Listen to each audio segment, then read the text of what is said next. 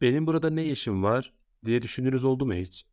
Bir labirentin içindeymişsiniz ve kaybolduğunuzdan eminmişsiniz de her bir dönemeci kendiniz yarattığınız için bu tamamıyla sizin suçunuzmuş gibi hissettiğiniz. Üstelik dışarı çıkmanızı sağlayacak birçok yol olduğunu da biliyorsunuz. Çünkü labirentten çıkmayı başarmış, dışarıda gülüşüp oynayan insanların seslerini duyuyorsunuz. Çalı, çitlerin arasından arada bir görüyorsunuz onları. Yaprakların arasından gelip geçen şekiller halinde.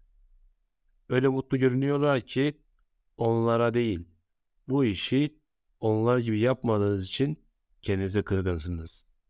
Oldu mu hiç? Yoksa bu labirentte kalan bir tek ben miyim?